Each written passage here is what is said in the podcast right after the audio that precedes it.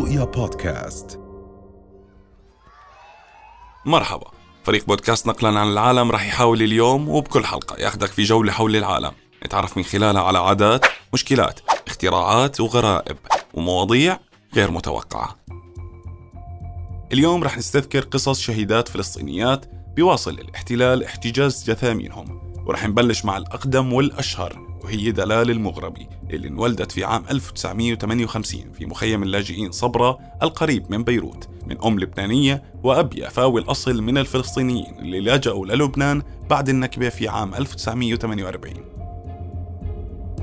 وبلشت دلال نشاطها في تنظيم الثانويات اللي قاده علي أبو طوق وصارت بعد هيك من كوادر الكتيبة الطلابية. بعدين شاركت في العملية العسكرية المعروفة بعملية كمال عدوان في المنطقة الساحلية بين مدينة حيفا وتل أبيب. في شهر 3 من عام 1978 وأسفر الهجوم عن مقتل 36 إسرائيلي واستشهاد دلال المغربي مع ثمانية آخرين أثناء العملية وتم الإشادة فيها كشهيدة وبطلة بين الفلسطينيين.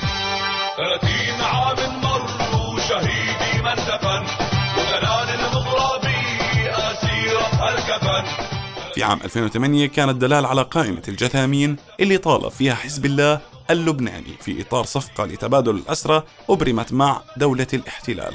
ولكن فحوصات الحمض النووي دي إن إيه أظهرت عدم إعادة الجثمان وأن الجثث المعادة هي لأربعة قتلى مجهولي الهوية ولا يزال جثمانها غير معروف المكان. الشهيدة الثانية هي دارين أبو عيشة. فدائية فلسطينية قامت بعملية تفجيرية في إسرائيل أسفرت عن مقتل عدد من الإسرائيليين. وكانت عمليتها في السنة الثانية من انتفاضة الأقصى في فترة انطلقت فيها ظاهرة الفدائيات الفلسطينيات وكانت بعمر 22 سنة فقط.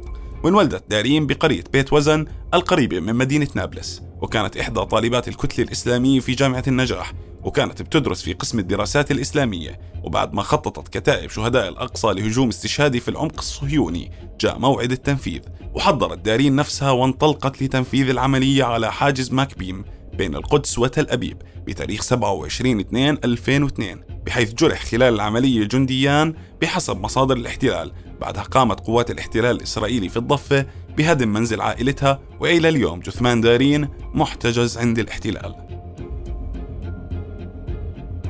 الشهيدة الثالثة هي وفاء إدريس اللي انولدت في عام 1973 وفاء كانت فدائية فلسطينية وقامت بعملية تفجيرية في أراضي فلسطين المحتلة عام 2002 ونتيجة التفجير اللي قامت فيه قدرت تقتل وتجرح عدد من الإسرائيليين وكانت من أولى الفدائيات الإناث في انتفاضة الأقصى اللي اندلعت في شهر 9 من عام 2000 وخرج أهل وفاء من مدينة الرملة واستقروا في مخيم الأمعري بالقرب من رام الله وعاشت في ظروف اجتماعية صعبة وهي الابنة الوحيدة لوالدتها وكانت عاملة في الهلال الأحمر من مخيم الأمعري.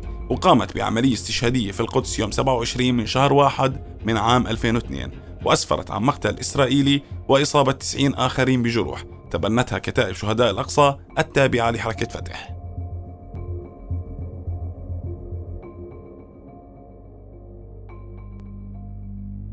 الشهيدة الرابعة هي هنادي جرادات المولودة عام 1975 وهي فدائية فلسطينية من جنين فجرت نفسها في هجوم انتحاري على مطعم مكسيم في مدينة حيفا وقتل في التفجير 21 شخص وجرح 51 وكانت هنادي جرادات سادس انتحارية في انتفاضة الأقصى والثاني اللي بتجندها حركة الجهاد الإسلامي. وانولدت هنادي جرادات في الحي الشرقي لمدينة جنين شمال الضفة الغربية لعائلة بتتكون من 12 فرد. في يوم التفجير غادرت هنادي منزل أسرتها وهي صائمة بدون ما تظهر عليها أي علامات بتثير الشك بأنها رح تقوم بأي عمل غير اعتيادي.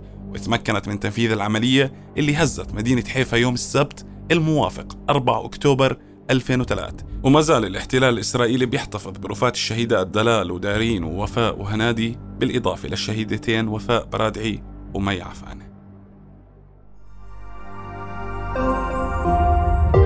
رؤيا بودكاست.